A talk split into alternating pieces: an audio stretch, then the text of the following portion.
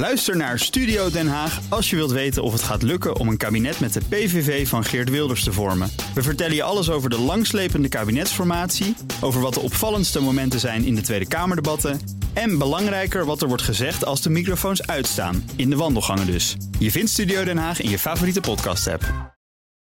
De column van Jaap Jansen.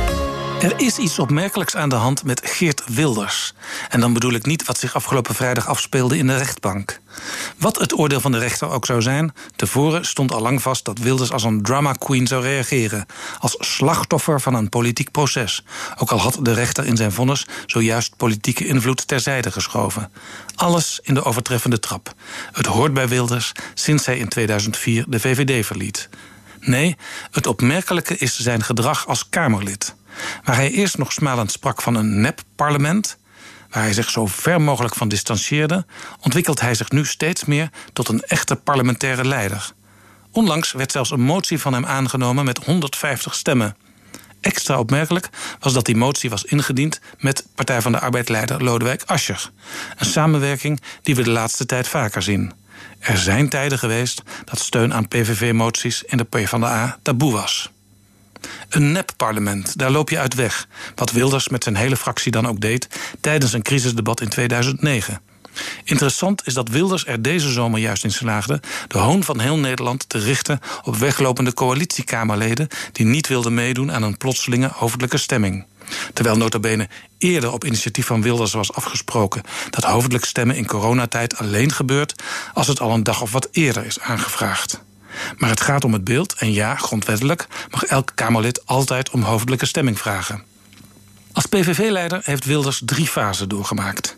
In de eerste zag je hem zoeken naar een koers. Van onversneden rechtervleugel VVD naar een mengvorm met SP-trekjes. Als VVD'er wilde hij lagere uitkeringen en een rem op zorgkosten. Sinds hij onderdelen van de SP kopieerde, hoeft dat niet meer. In fase 2 gedoogde hij het kabinet Rutte 1.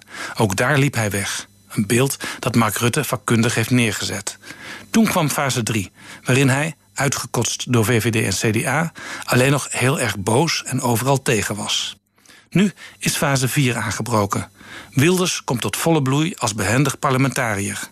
Daarin onderscheidt hij zich van zijn buurman Thierry Baudet, die keer op keer laat weten dat het wat hem betreft allemaal niet zoveel zin heeft daar in de Tweede Kamer. Maar ja, Baudet blijft nog even, want hij moet nu eenmaal premier worden om het land te redden.